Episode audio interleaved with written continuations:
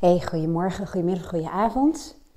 In podcast 259 met de titel Druk zijn is voor sukkels um, vertel ik je over de matrix, de time management matrix van Stephen Covey. Ik werk in mijn coachpraktijk, um, zowel als het gaat om zakelijke als om persoonlijke coaching, echt heel veel met het werk van Stephen Covey.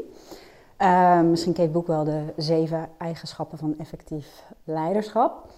En een van de dingen die hij in dat boek deelt, en in zijn trainingen, is het gebruik van de time management matrix. Ik leg het in die podcast uit, 259. En deze podcast geef ik je een aantal voorbeelden van werken in vak 2. Ja, dat zijn vier vakken, waarbij de eerste, even heel kort, dan heb je toch een beetje meer context, gaat over zaken die urgent en belangrijk zijn. En dat zouden in de praktijk um, letterlijk incidenten moeten zijn of incidentele uh, dingen. In ieder geval um, moet niet de hele dag door um, dingen op je agenda staan, of sterker nog, die staan vaak niet op je agenda, die zijn vaak ad hoc, die continu jouw aandacht vragen. Continu moet je handelen. En vak 1 is dus, het is belangrijk en het is urgent. Dat kan dus zijn, stel dat je een eigenaar bent van een softwarebedrijf en er zijn internetproblemen waardoor klanten um, ja, moeilijker bij de server kunnen of whatever wat. Nou, dat gebeurt niet, want er zijn altijd wel fallback systemen en zo. Maar goed, hè, even ter voorbeeld. Dan kun je spreken over een crisis. En dat is typisch vak 1 ehm, werk. Of als je huis in de fik staat. En zo zijn er nog wel een aantal andere dingen. Maar nummer 2 is het vak. En dat heet: Het is belangrijk, maar niet urgent. En dat is juist het vak. Ik noem het ook wat investeer- en reflecteervak. Ik kom daar zo meteen op terug. Waar um, slim werken onder valt. Waardegericht leven en werken. Uh, visie, strategie. Kom ik zo meteen even op terug. Vak 3 is het vak waar heel veel mensen als het ware tijd in doorbrengen, om het even zo te zeggen. Dat is namelijk het vak. Het is urgent, maar niet belangrijk. Dat zijn vaak de zaken die um, anderen van jou willen. Dus mensen doen een beroep op jou. Je draagt in dat vak bij aan de plannen en de doelen van iemand anders. je mail, WhatsApp-verzoekjes, um, ergens aan bijdragen, ergens bij zijn, iemand helpen. Ook dat zijn vaak ad hoc zaken. Heb je een mail al gezien? Dat soort dingen. Vak 4, daar besteed ik liefst zo min mogelijk aandacht aan. Dat zijn echt de zinloze dingen die totaal nul effect hebben in positieve zin. Bijvoorbeeld het doelloos scrollen, hè, meerdere keren per dag, op je Instagram feed. Of um, zappen op televisie. Het zijn echte dingen die um, niet bijdragen, die we vaak doen uit een soort van gewoonte. Nou, ik ga even naar vak 2, omdat klanten wel uh, vragen van um, wat is dat dan precies en hoe kan ik ervoor zorgen dat ik meer um, vanuit vak 2 als het ware werk en leef. En in het levensplan, is een van de cursussen in mijn academy, wat ik ook met mijn eerste mastermind groep heb gedaan, um, zijn we hier heel erg mee aan de slag gaan en hebben we dat gedoopt tot scherp je zaagtijd. Nou, die ga ik even toelichten. Die heb ik niet zelf bedacht, die komt ook van Stephen Covey. Dat is een verhaal dat hij uh, in een bos liep en hij zag een houthakker, heel druk, zweet op de kop, een rode kop. En hij wilde daar een praatje mee maken. Maar die man die wees het af en die zei, nee, nee, nee, nee, ik heb geen tijd, dit moet af, ik moet door, sorry, maar kan niet. Nou, een paar uur later kwam uh, Steve Covey weer die man tegen. En weet, dit verhaal uh, citeer ik niet letterlijk, dus wellicht zit het verhaal iets anders in elkaar, maar dit is wat ik ervan op heb gestoken. Maar hij ziet diezelfde man nog steeds zagen en hakken. En hij staat er naar te kijken. En um, die man, ja, die heeft nog rooiere wangen, zweet en is bijna uitgeput. Maar hij heeft een deadline. En op een gegeven moment vraagt Steven aan die man: Heb je je zaag wel gescherpt? Of is je bel nog wel scherp genoeg? En dat is een beetje de essentie van uh, werken vanuit vak 2. Dat betekent dat je even tijd maakt, zoals sommige mensen ook wel zeggen, twee stappen terug. Of één stap terug om er weer twee vooruit te zetten. Of hoe gaat dat? Um, dat is eigenlijk de tijd nemen om bijvoorbeeld die zaag of die hakbijl, om die weer scherp te maken. Als je dat hebt gedaan, gaat alles daarna sneller. En ben je eerder klaar en zal het waarschijnlijk ook beter gaan. Daarom noemden wij dat, toen we bezig waren met het leesplan, scherp je zaagtijd. Nou, nu heel kort, een paar voorbeelden. Um, dat wilde ik delen omdat ik er, ik besteed veel tijd in vak 2. En ik dacht, hé, hey, dit zijn misschien wel wat leuke voorbeelden. Nou, ik merkte, ik ben de laatste tijd me nog meer gaan richten op het leren aan mijn klanten hoe ze zelf, met behulp van voice dialogue, hè, die verschillende persoonlijkheidskanten, zelf dilemma's en vraagstukken en problemen op kunnen lossen. Want mijn missie is niet om mensen te helpen, mijn missie is om mensen te leren hoe ze zichzelf kunnen coachen. Hoe ze zichzelf kunnen helpen met behulp van de methodiek en de tools die ik ook gebruik in mijn praktijk en bij mezelf. Nou, zodoende ben ik me steeds meer gaan richten op, oké, hoe kun je dit nou zelf gaan toepassen? Het is een heel belangrijk onderdeel, echt een hele aparte module in mijn Voice Dialogue programma's, hè, waarin ik je dat leer. Heel uitgebreid. Maar voor de mensen in mijn praktijk um, doe ik het voor.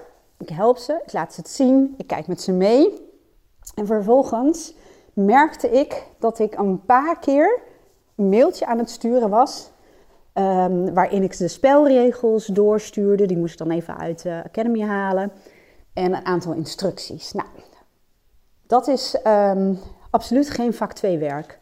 Vak 2 is eigenlijk dat je op een gegeven moment denkt: hé, hey, dit is een patroon. Ik merk dat ik dit nu al drie keer heb gedaan.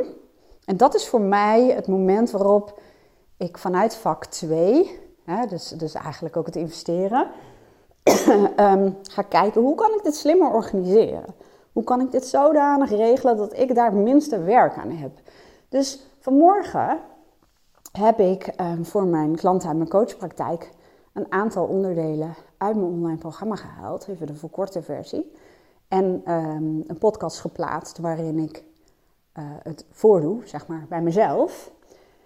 Heb ik op een bepaalde pagina gezet. Ik heb een, uh, ja, een, een, besloten klantenpagina, zullen we maar zeggen. En vanaf nu kan ik mensen verwijzen naar, ga naar die pagina, die pagina heb je. Even naar beneden scrollen en daar, en dan vervolgens ga je naar een instructiepagina dan heb ik het helemaal voor je uitgelegd.